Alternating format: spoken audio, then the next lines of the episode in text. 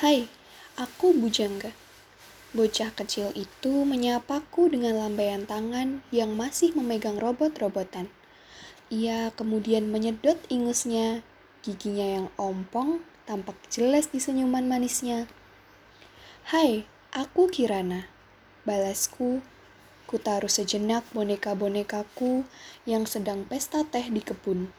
Kamu tetangga baru ya? Tanyaku. Tetangga balu itu apa? Bujangga cadel ternyata. Iya, baru pindah ke sini.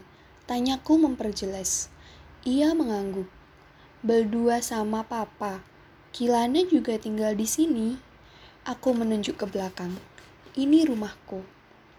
Itu rumahku. Balas Bujangga sambil menunjuk rumah yang berada tepat di depan rumahku. Iya, aku tahu kok.